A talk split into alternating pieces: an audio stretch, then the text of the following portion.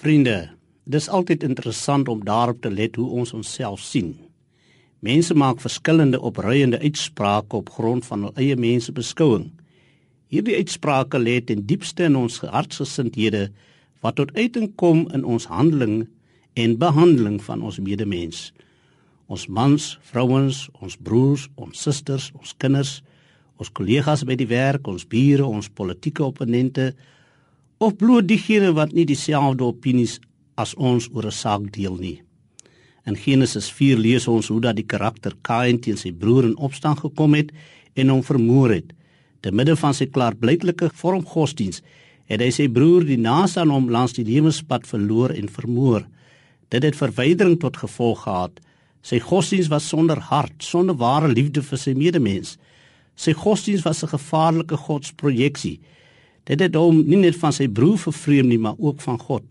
Sy eie vorm godsdiens met seremonies en rites het in hom 'n selfregverdigende gesindheid gewek en hy het niks vir sy naaste omgegee nie. Inteendeel, hy het sy naaste misken. Hy het sy medemens minag, geen respek getoon nie en sy medemens doodgeslaan. Hy het nie sy naaste plek onder die son gegee nie.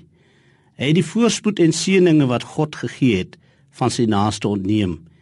Hierdie jaloerse gesindheid van Kain kom dikwels tot uiting in naaiwer en word dikwels gesien in gulsigheid of 'n soort van grypsigtigheid wat in meeste gevalle openbaar word in die vorm van korrupte belangloosheid teenoor en uitbuiting van ons naaste.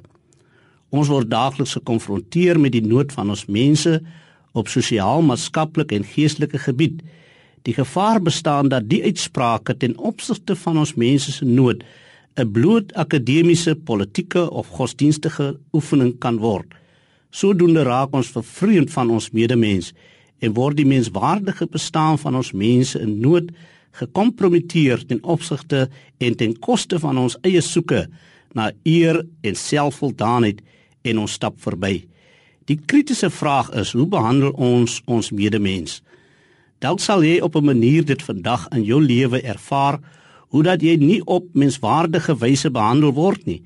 Dalk sal jy vandag jouself bevind moontlik aan die ontvangskant van iemand wat in alle opregtheid vir jou omgee en die lewe vir jou draagliker maak of dalk is jy iemand wat aan die uitdeel kan staan wat vir iemand in sy of haar nood naby gaan staan nie om uit te byt of te breek nie maar om waarde toe te voeg by jou medemense lewensbestaan.